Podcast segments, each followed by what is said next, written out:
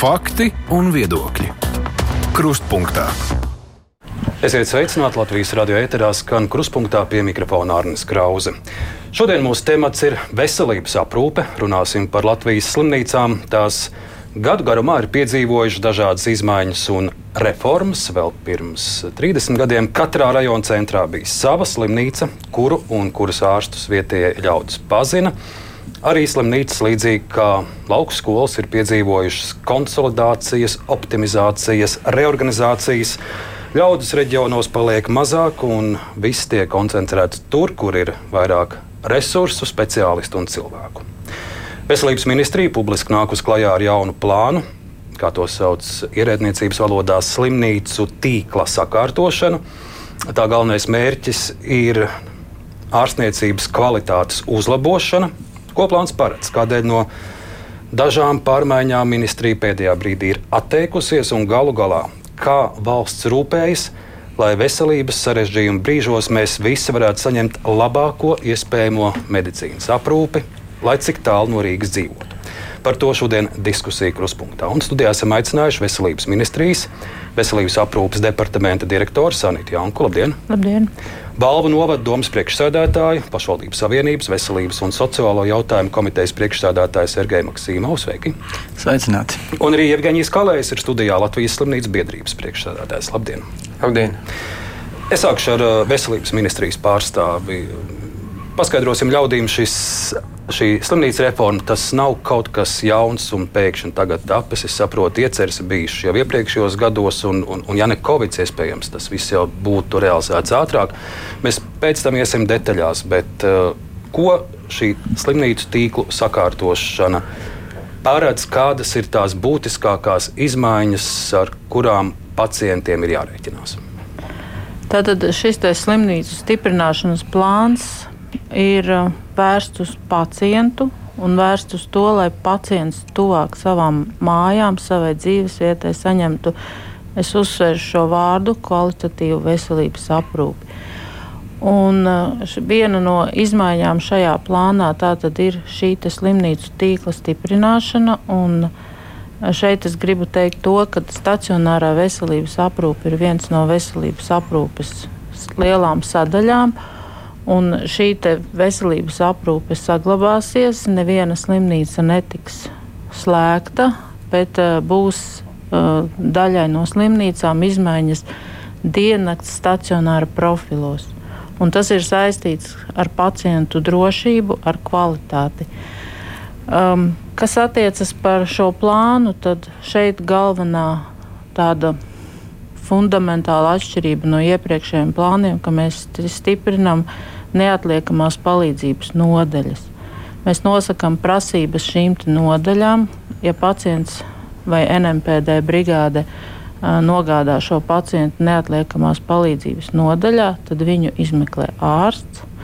A, visās nodaļās atbilstoši slimnīcas līmenim ir noteikts, kādiem ir jābūt izmeklējumiem uz vietas, cik ilgā laikā tie jāsniedz un lēmumu par pacienta stāvokli pieņem nevis NMPD brigāde, bet pieņem ārsts, kurš pieņem lēmumu, vai pacients dosies mājās, vai pacients tiks novērots 24 stundas, vai viņš tiks stacionēts šajā ārstniecības iestādē, vai arī pārvests uz citu ārstniecības iestādi.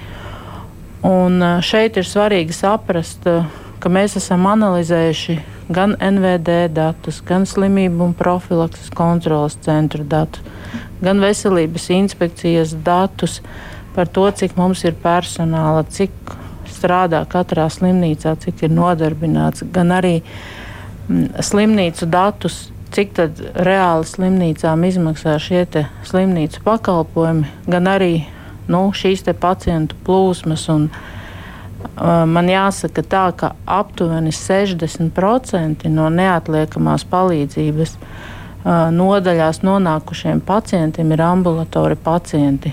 Un tāpēc ir svarīgi, ka šie pakalpojumi ir tuvāk mājai, lai pacientam nav jābrauc 100 vai 200 km atpakaļ, kas arī maksā pacientam naudu. Gan par biļeti, vai arī, teiksim, ja sarunā kaimiņu nu, par šīm visiem izdevumiem. Tāpēc ir liela daļa veselības stāvokļus, kurus ārsts apskatot, izmeklējot pacientu, var atrisināt tuvākajā nodaļā. Tā vienkārši paskaidrojot, man, man tad turpmāk ar ko neatliekamās palīdzības nodaļa atšķirsies no uzņemšanas nodaļas, kādas ir ļoti daudzās slimnīcās tagad.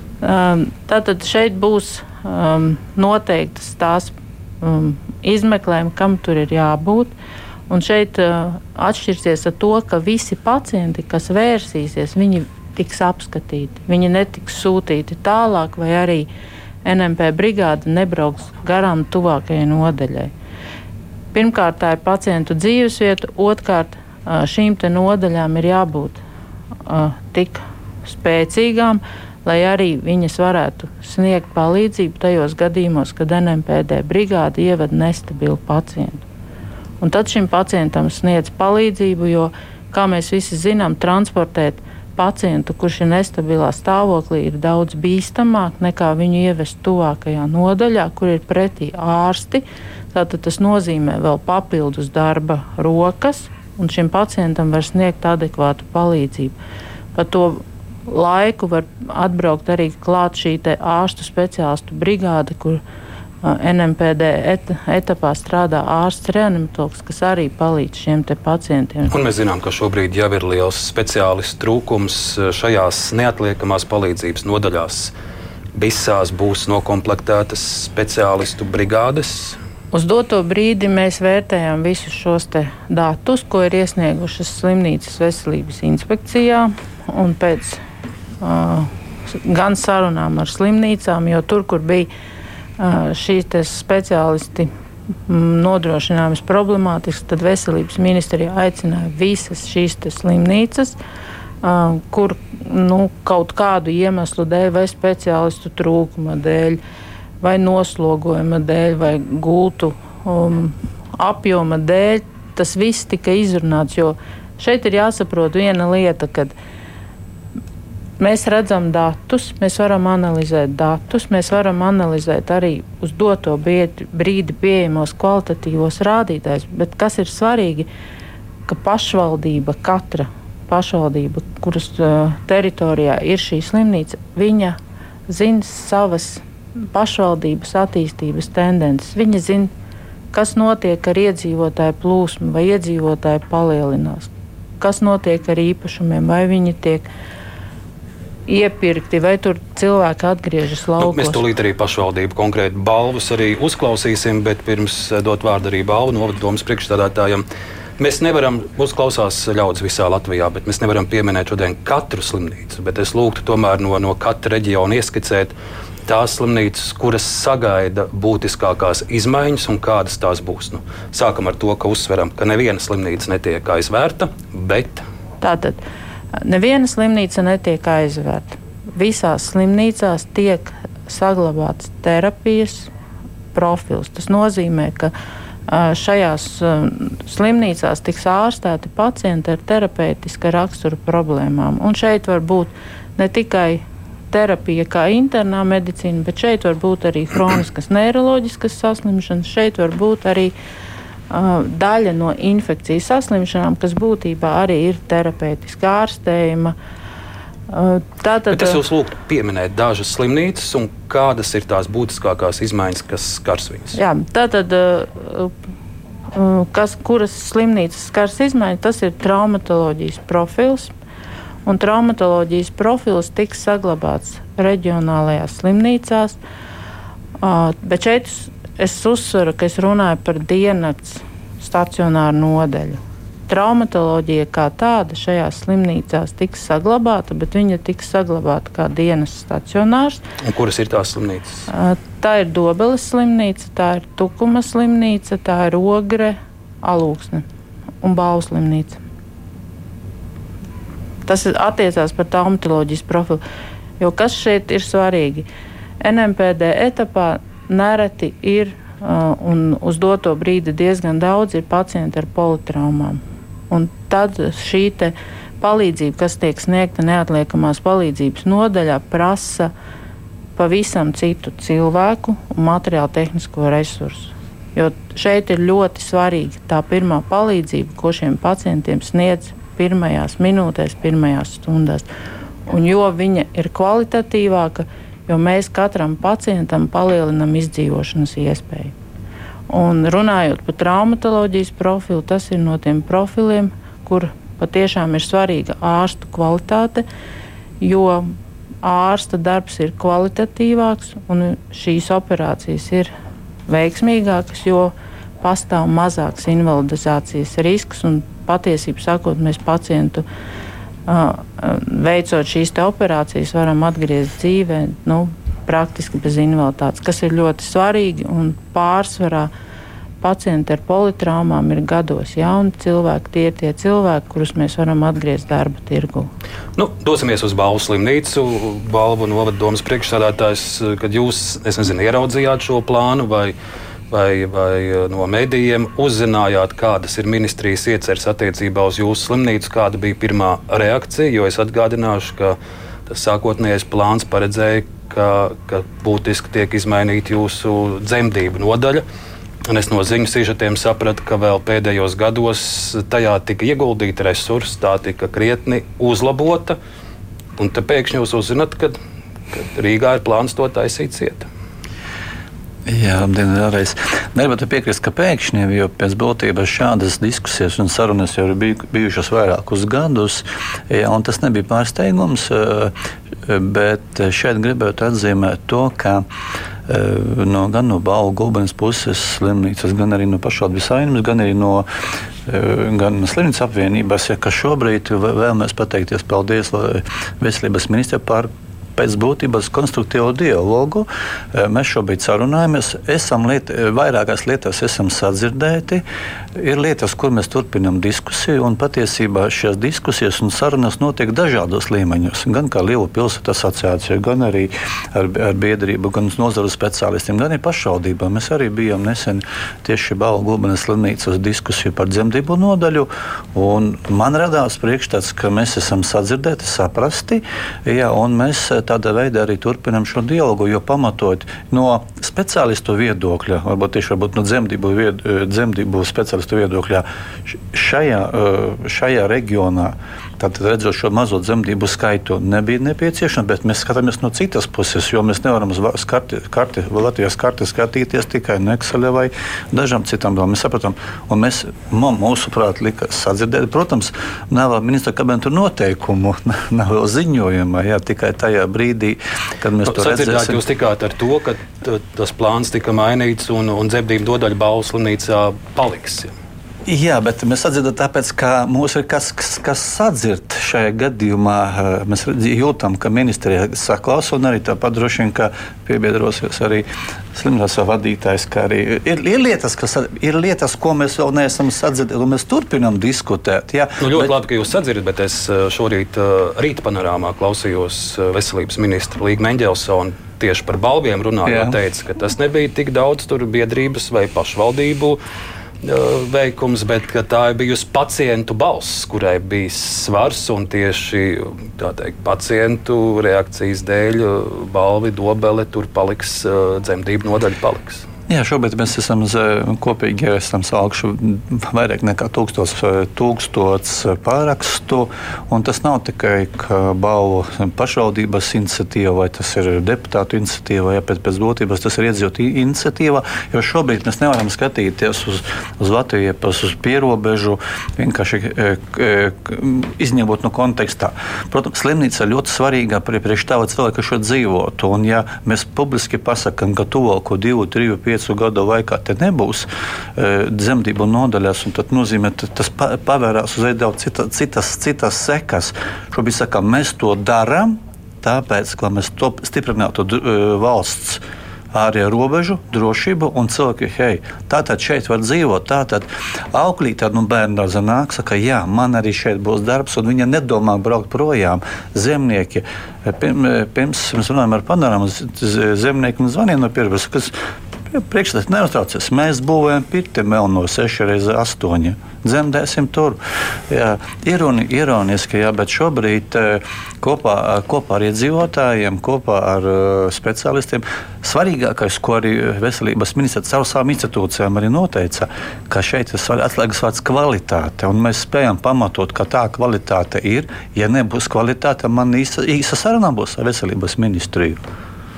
Šeit ir svarīgi vārds. Atgādiniet no savas puses, kādi Jā. bija tie jūsu galvenie un jūsu novada māmiņu argumenti, kādēļ uh, Attālums. Jūs cīnījāties un uzstājat, ka dzemdību nodaļā ir jāpaliek. Mēs joprojām to darām. Tā, tā cīņa ar argumentāciju turpinās. Tas ir attālums, jo uh, svarīgākais ir, tā, jebkurai, jebkurai uh, lokālai, reģionālai slimnīcai ir attālums, ko mēs tikko minējām arī par traumām. Svarīgi, ka, ka šis cilvēks, pacients nonāk iespējami ātrāk iestādē, vai traumu, vai dzemdību, tas ir attālums speciā, kvalitatīvs speciālists pas, ap, apseko un tad pieņem lēmumu, eh, vai, eh, vai, šis, vai šī grūtniece var dzemdēt balvu dzemdību nodeļu, vai tomēr ir situācijas, kur varbūt jāved tālāk. Svarīgākais ir attālums un ātrums, jo jebkurā gadījumā veselībā, ja, ja mēs runājam par neatliekumu medicīnas palīdzību, ir at, ātrums, ir laiks un laiks tā ir dzīvībā. Jo svarīgākais, ka divas, trīs māmiņas katru gadu balvu dzemdību nodaļā tiek glābtas tikai tāpēc, ka balv, balvos iet dzemdību nodaļā. Tātad mēs šobrīd runājam par attālumu un šiem divām, trijām sievietēm, un tas ir daudz. Katra dzīvība ir svarīga. Kalēkungs, es tūlīt ar jums došu vārdu, bet es gribu šo balvu stāstu pabeigt un pats saprast, Jankas kundze. Nu, es arī redzēju televīzijas ziņās, tur tika rādīta šī nodaļa, kur tiešām tur ir ieguldīts, e, investēts, lai jaunajām mājiņa, māmiņām būtu komfortabli apstākļi. Tad pēkšņi vienu dienu ir ziņa no ministrijas, ka balvos dzemdību nodaļa nebūs. Tad uh, ir pāris sižeti mēdījos un, un, un, un ļaudis vārds paraksts. Pēc trīs dienām atkal ir ziņa, ka ministrija maina plānus un, un nodaļa paliek. Nu, nu, es neko nepārmetu, bet es teikšu tā, ka, ka nu, tāda nopietna plānošana tā neizskatās. Um, nu, redzat, kas attiecās par dzemdību nodaļām, tad nu, ir šie mm, skaitliskie kriteriji. 500 dzemdības gadā. 500 dzemdības ir. Jābūt vismaz 500. Jā, nu, bet es atļaušos pabeigt. Mm. Ir, ir šis dzemdību skaits, ir cilvēka resursu nodrošinājums, ir nu, teiksim, šis materiāla tehniskais nodrošinājums, kas ir uz vietas, asins kabinets, anesteziologs. Un otrs aspekts, ko vienmēr arī skatoties iepriekš šos eh, dzemdību nodaļu izvietojumus, ir attālums. Nu, viņš ir bijis vienmēr ļoti svarīgs, jo um, būsim jau godīgi, nu, ne visi iedzīvotāji laukos ir ar savu transportu. Ir arī gadījumi, kad uh, nu, sieviete par to, ka viņai būs bērns un kad ir jau sākušās dzemdības, uzzina, ka viņa nav bijusi uzskaitē. Un šeit es teiktu, ka tieši iespējams arī lauku reģionos pastāv liels risks arī šīm sociālā riska sievietēm, kas ir nu, zināmā mērā tas ir risks arī tālākai dzemdību nodaļai. Protams, ja mēs skatāmies šo statistikas datus un visas šīs perinatālās mirstības, arī tās mēs izvērtējam. Un, uh, mēs izvērtējam teiksim, uz mazu dzemdību skaitu, trīs teiksim, šīs perinatālās mirstības. Izskatās ļoti daudz, bet mēs vērtējam arī, nu, vai teiksim, šī bija nodaļas vaina vai kļūda, vai tā bija citu apstākļu sakritība patiesībā sakot, runājot par balviem, tad šie trīs gadījumi, nu, patiesībā sakot, tur balvu slimnīcas vainas, kā dzemdību nodaļas kvalitātē, nebija. Tas bija uh, paciente nebija laicīgi vērsusies, paciente nebija pareizi izvēlējusies šo ārstniecības iestādi, jo priekšlaicīgas dzemdības nekad balvu slimnīca nav apkalpojusi. Bet šeit pats svarīgākais ir attālums. Un, mm, pirms gala lēmumu mēs tikāmies ar visām slimnīcām. Tā bija mūsu iniciatīva, kad mēs uzklausījām balvu novada un gulbenes novada pašvaldību. Un patiesībā sakot, ir arī tā, ka šī te, uh, situācija laukos, kas bija pirms gadiem, pieciem, ir mainījusies. Pēc Covid cilvēki grib atgriezties lauka īpašumā. Un tas ir ļoti labi, un paldies par jūsu atbildi, bet es jums tomēr pārveicāšu vēlreiz, jo ja es būtu māmiņu balvu pusē vai, vai medicīnas personāls balvu slimnīcā uh, dzemdību nodaļā, nu, man tas būtu stress. Es vienu dienu lasu, likvidēs, nākamā dienā saka, atstās. Nu, nu, tā nav nopietna tāda plānošana un, un reformēšana. Ja, ja drīkst nokomentēt, varbūt šobrīd ko var pārmest, ja, ja, ja gribam kaut ko pārmest veselības ministrijai. Nē, es šīs sarunas nebija pirms publiskā balvos. paziņošana. Iespējams, ja mēs mm. būtu satikušies pirms eh, šis dokuments nonāk, nonāktu publiski, mm. ja, mēs jau būtu sanākuši izrunājuši šīs trīs lietas, kad, kad mēs skaidām runājam par balvu Gulbenes slimnīcas dzemdību nodaļu. Mēs sakām, hei, šeit, šeit nav 500 dzemdību, bet šeit paliek, jo eh, mēs vienkārši izgājām šo sāpīgo procesu. Nu, būtu labi, ja mēs vairs neatkārtotu šādas kļūdas, jā, bet uh, vajadzēja pirms izēmēt. Es mūsu sarunā beidzot iesaistīšu arī slimnīcas biedrības eh, priekšsēdētāja Jevģīnija Kalēja. Kalējkungs ministri un ministrija ir uzsvērusi, ka sakārtojot šo slimnīcu tīklu Latvijas pacientiem pakalpojumu mazāk nepaliks. Tas ir vairāk kārt uzsvērts. Cik es esmu lasījis jūsu reakciju, jūsu komentārus par šo reformu, nu, nav tā, ka jūs esat uh, tādā stāvā sajūsmā, jūs diezgan piesardzīgi uz šīm pārmaiņām visām raugaties. Kāpēc? Nu, Pirmais ir, jā, kā jūs teicāt, piesardzīgi, jo, nu, teiksim, ja samazina pakalpojumu kaut kādu pieejamību, vienalga, kas tas par pakalpojumu, nu, skaidrs, ka viņš būs mazāk pieejams un līdz ar to pacientiem būs kaut kādas grūtības saņemt šo pašu pakalpojumu kaut vai tajā citā blakus slimnīcā. Nu, ja mēs skatījāmies uz balvu, piemēram, ja, tad, tad, piemēram, nu, tuvākais tad bija Rēzekne vai, vai, vai ķirurģiskie pacienti ir Valmiera. Nu, vēl Madona paliek pa vidu. Bet e, tiešām nevar būt tā, ka samazina pakalpojumu un pakalpojums kļūst pieejamāks.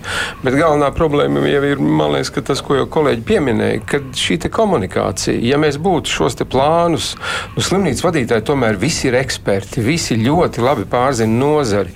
Ja mēs būtu šos jautājumus pirms tam izrisinājuši, nebūtu tāda steiga, tas viss nebūtu nekur uh, pat radies. Jau, jau laicīgi mēs būtu izdiskutējuši, kādi ir šie kriteriji, un mēs būtu viņus izvērtējuši. Jo tas, ko ministrija nu pat teica, viņi ir savākuši tos kritērijus. Bet, diemžēl tā izvērtēšana nāca pēc tam, kad jau bija nopublicēts. Un tāpēc nu, šis ir viens no jautājumiem. Nu, tā apsveicamā vēlme ir noteikti no valsts puses un no ministrijas, ka ir kaut kāda iespēja palielināt veselības aprūpas finansējumu kopumā Latvijas iedzīvotājiem. Jo nu, izrauties no tās pēdējās vietas Eiropā, kur mēs esam jau, jau trešo gadu, nu, tas nav goda lieta. Tāpēc nu, Latvijas valdībai un veselības ministrijai jādomā viss, lai šo te e, palielinātu. Jo šis zemākais veselības aprūpas finansējums uz vienu iedzīvotāju - 1400 eiro gadā, nu, tas ir zemākais starp Eiropu, un mēs dubultīgi atšķiramies no Igauniem. Nu, līdz ar to eh, mēs nevaram apgalvot, mēs nevaram nu, tā viennozīmīgi apgalvot, ja pakalpojums tiks sniegts citā slimnīcā iedzīvotājiem, kas ir piemēram 100 km attālumā, nu, vai šis pakalpojums būs labāks. Labi, es no jums sadzirdu, ka jūsu vēlme ir un bija, ka ar jums vajadzēja, jūs varbūt vajadzēja ciešāk iesaistīt pašvaldības un, un pašas uh, slimnīcas vadību, bet, bet kopumā raugoties. Tas ir pareizs virziens, ka, ka arī slimnīcām ir jāmainās. Jo, jo, Jo mēs redzam arī, ka teiksim, ir, ir novadi, kur ļaužu skaits pieaug, atkal ir citur, kur samazinās, ir vietas, kur ir um, būtisks speciālistu trūkums. Nu, jūs piekritīsiet, ka arī slimnīcām ir jāiet laikam līdzi un jāmainās. Jā, un viens no faktoriem, kas liek šīs mai, maiņas realizēt, ir tieši slimnīcu personāls, mediķu trūkums Latvijā. Un pamatojoties uz šo te trūkumu, tā apsveicamā vēlme, kas ir tagad jaunajā projektā, ir tā, ka katrā slimnīcā paliek šis dežūra ārsts, kas var sniegt primāro neatliekamo palīdzību. Pēc tam pacientu šķirošanu, nu, rupji sakot, kuru vest uz to pusi, kuru vest pa labi, kuru pa kreisi, kuru uz Rīgu.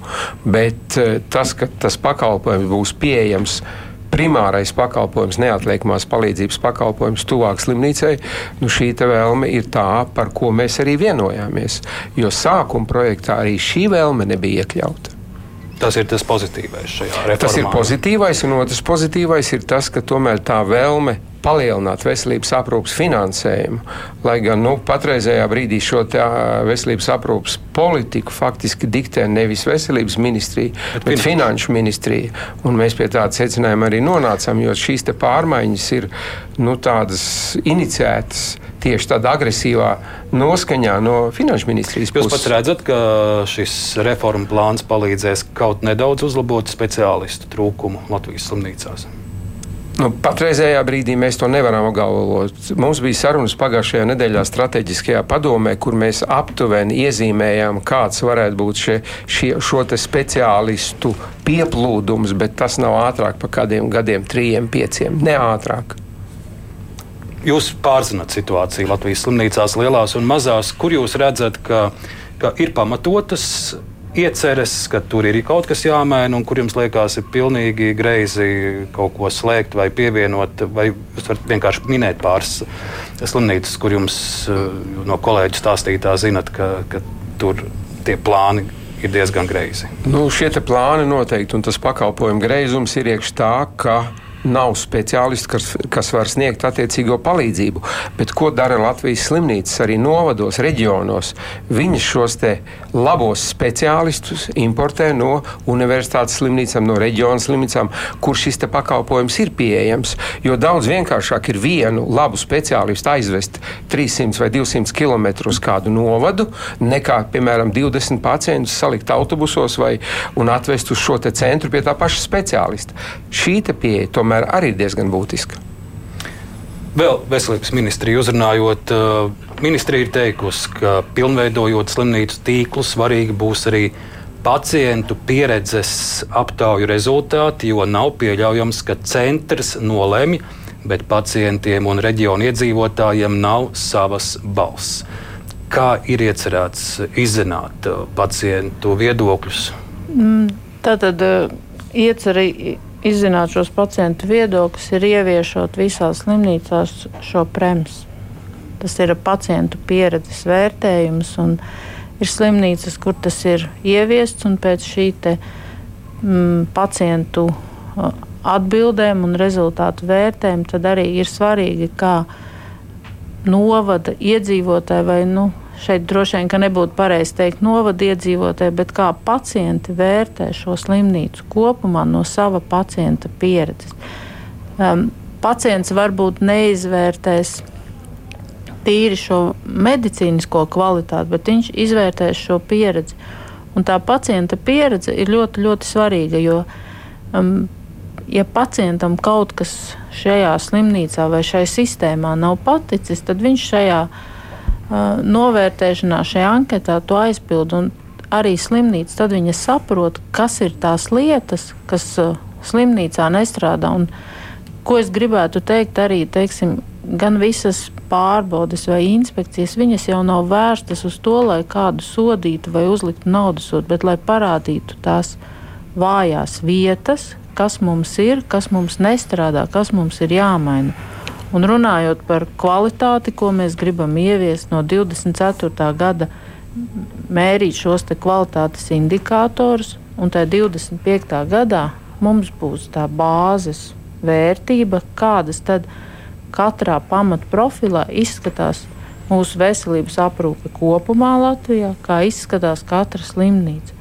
Un tad skatīties, kas ir tie stiprie, kas ir tie vājie punkti, kas ir jāmaina pieļauju, ka arī nu, teiksim, šajā reformā būs lietas, kas varbūt būs jāpamaina.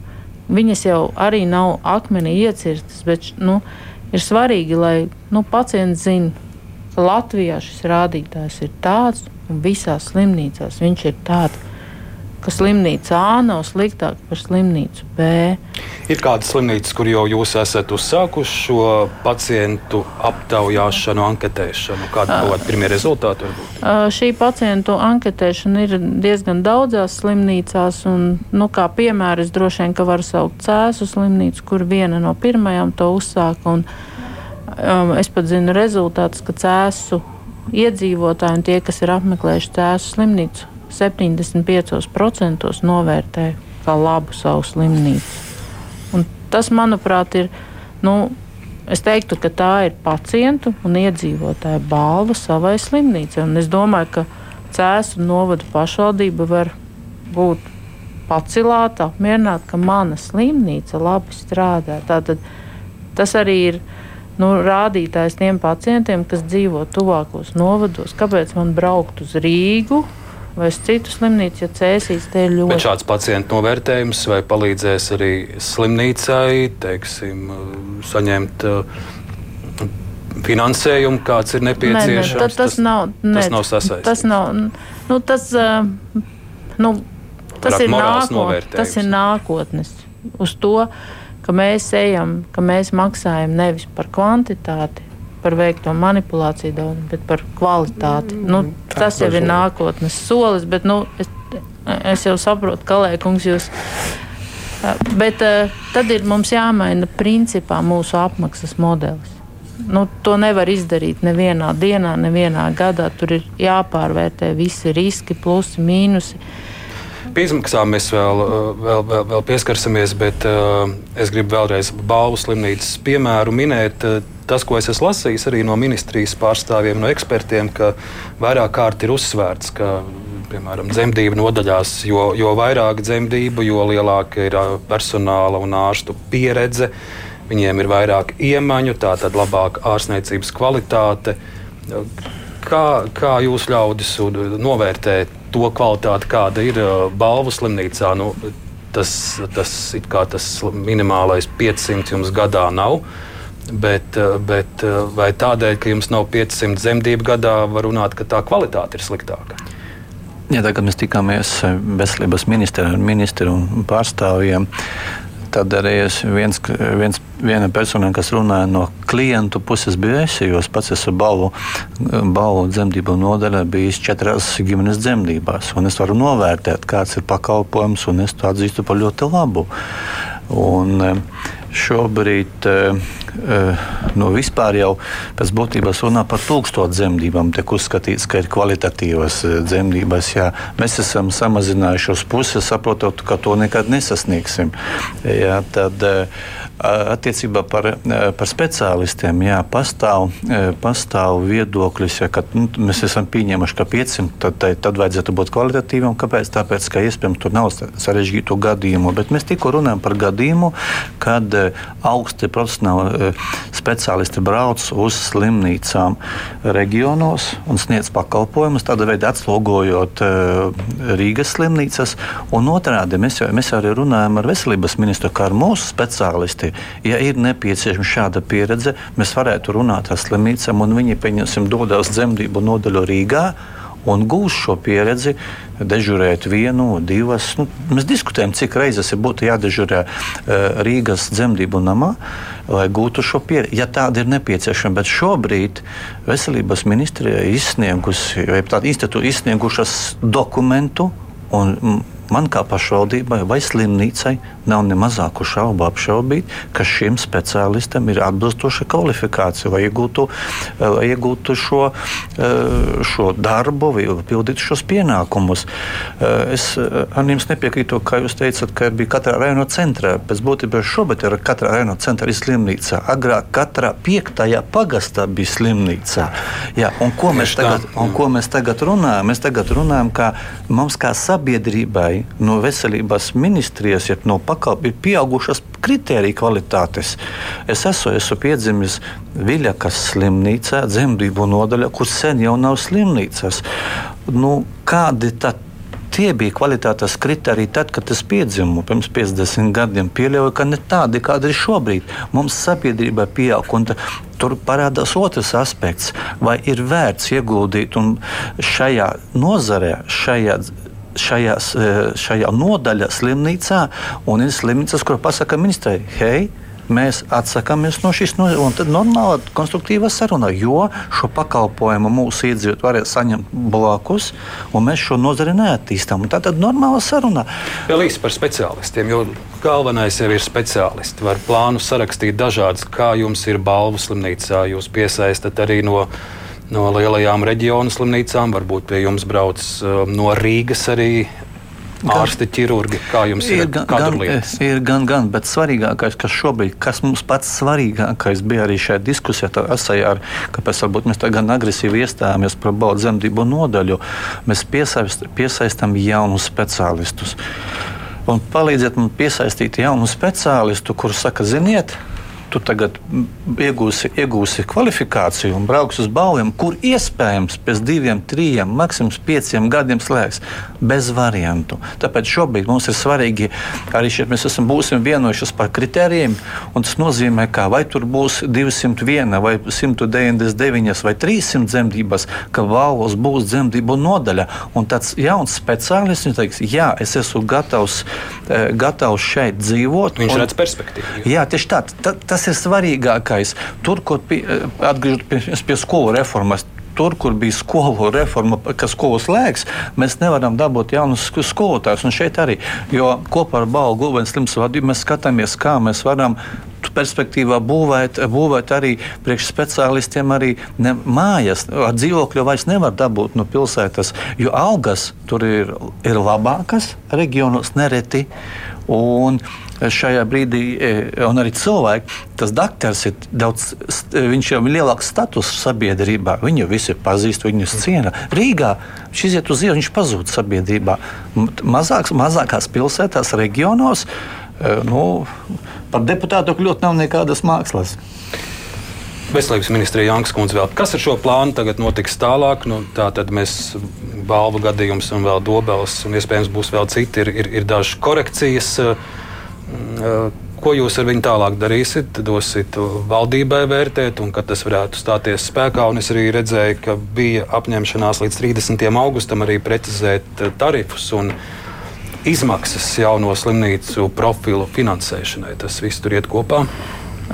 Tātad uz doto brīdi mēs esam apstrādājuši visus priekšlikumus un iebildumus, kas bija šim plānam, un šos priekšlikumus gan iebildumus sniedza ne tikai slimnīcas, bet arī citas ministrijas, jo visi plāni, kas ir mums noteikti, ir jāsaskaņo ar Finanšu ministriju un Tieslietu ministriju. Un mēs viņu šo ziņojumu virzam atkārtotai saskaņošanai.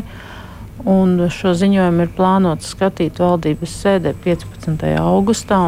Šajā ziņojumā ir arī visi aprēķini, arī cik mums ir nepieciešams papildus finansējums lai mēs varētu teikt, ka mēs šajos pamatprofilos varam nodrošināt atbilstošu kvalitāti, kādu mēs esam norādījuši. Jo kvalitāti nosaka gan ārstniecības personas, gan medicīnas tehnoloģijas, papildu palīgdienesti un arī nu, pirmo reizi varbūt nu, mēs šos rezultātus mērīsim.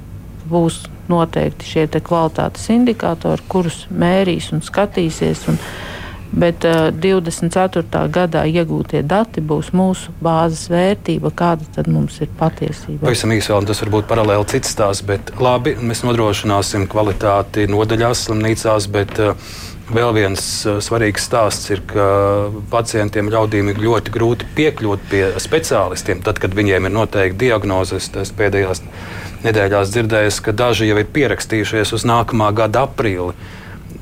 Viņš zina, ar ko viņš ir slims, bet eh, cilvēks nevar tikt pie speciālista.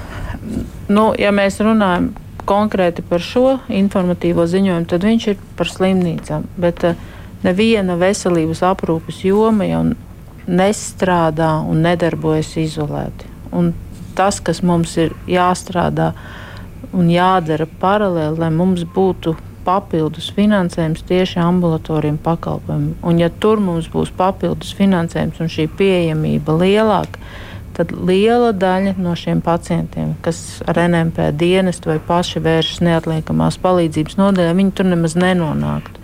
Viņi saulēcīgi viņiem ir izmeklējums, saulēcīgi ir diagnoze, saulēcīgi ir uzsākta ārstēšana. Bet, ja cilvēks netiek klāt un viņa veselības stāvoklis pasliktinās, nu, neapšaubām, ka viņš sauks šo NMP brigādi vai vērsīsies pats. Un trešā lieta, kur mums ir jāstrādā, kas ir absolūti svarīga, un tas ir nu, visu veselības aprūpes sistēmu pamats, tā ir primāra aprūpe, tie ir ģimenes ārsti. lai viņi būtu pieejamība. Un ir ļoti grūti, to arī var apliecināt pašvaldības, piesaistīt ģimenes ārstu uz maz apdzīvotiem reģioniem. Tāpēc mēs strādājam pie tā, lai visādos veidos, cik vien ir iespējams motivēt šos ārstus braukt uz tiem reģioniem, kur ir ļoti maz iedzīvotāju. Paldies, un kolēģis, visam īsi pusminūtē, kas to, ko es no jums izdzirdu, jā, jums ir rūkums, ka, ka nav arī jūsu viedoklis varbūt sadzirdēts uh, savlaicīgi, bet, bet kopumā, ja tās lietas īstenojas, kas ir plānā, jūs redzat, ka, ka tas pacientiem Latvijas nāks par labu. Ja kopumā finansējums pacienta aprūpē palielināsies, nu, tas ir šis pakalpojumu tarifs. Jo patreizējā brīdī tie tarifi, kas ir, nu, ar tiem mēs netiekam galā, un viņi rada tikai pacientiem problēmas. Līdz ar to tā pacienta apmierinātības pētījumam faktiski šobrīd nav nekādas jēgas, kamēr nav šīs izmainīta šī pieeja. Teiksim, tāpat ēdināšana par 3 eiro dienā, nu, tā nav tas labākais variants. Un, ja mēs mēram šodienas apstākļos, tad patreiz tā situācija ir tāda, ka tarifs ir gandrīz divreiz zemāks, cik viņš izmaksā. Tā saka Evģēnijas Kalējs, Latvijas slimnīcas biedrības priekšsēdētājs. Šodien kruspunktā bija arī Balva novada domas priekšsēdētājs Sergejs Maksimovs un sveiciens visām Balvu slimnīcas dzemdību nodaļas pacientiem. Jūsu nodaļa paliks arī turpmāk, un es saku arī paldies par sarunu Sanitē Jankai, Veselības ministrijas veselības aprūpas departamenta direktorei.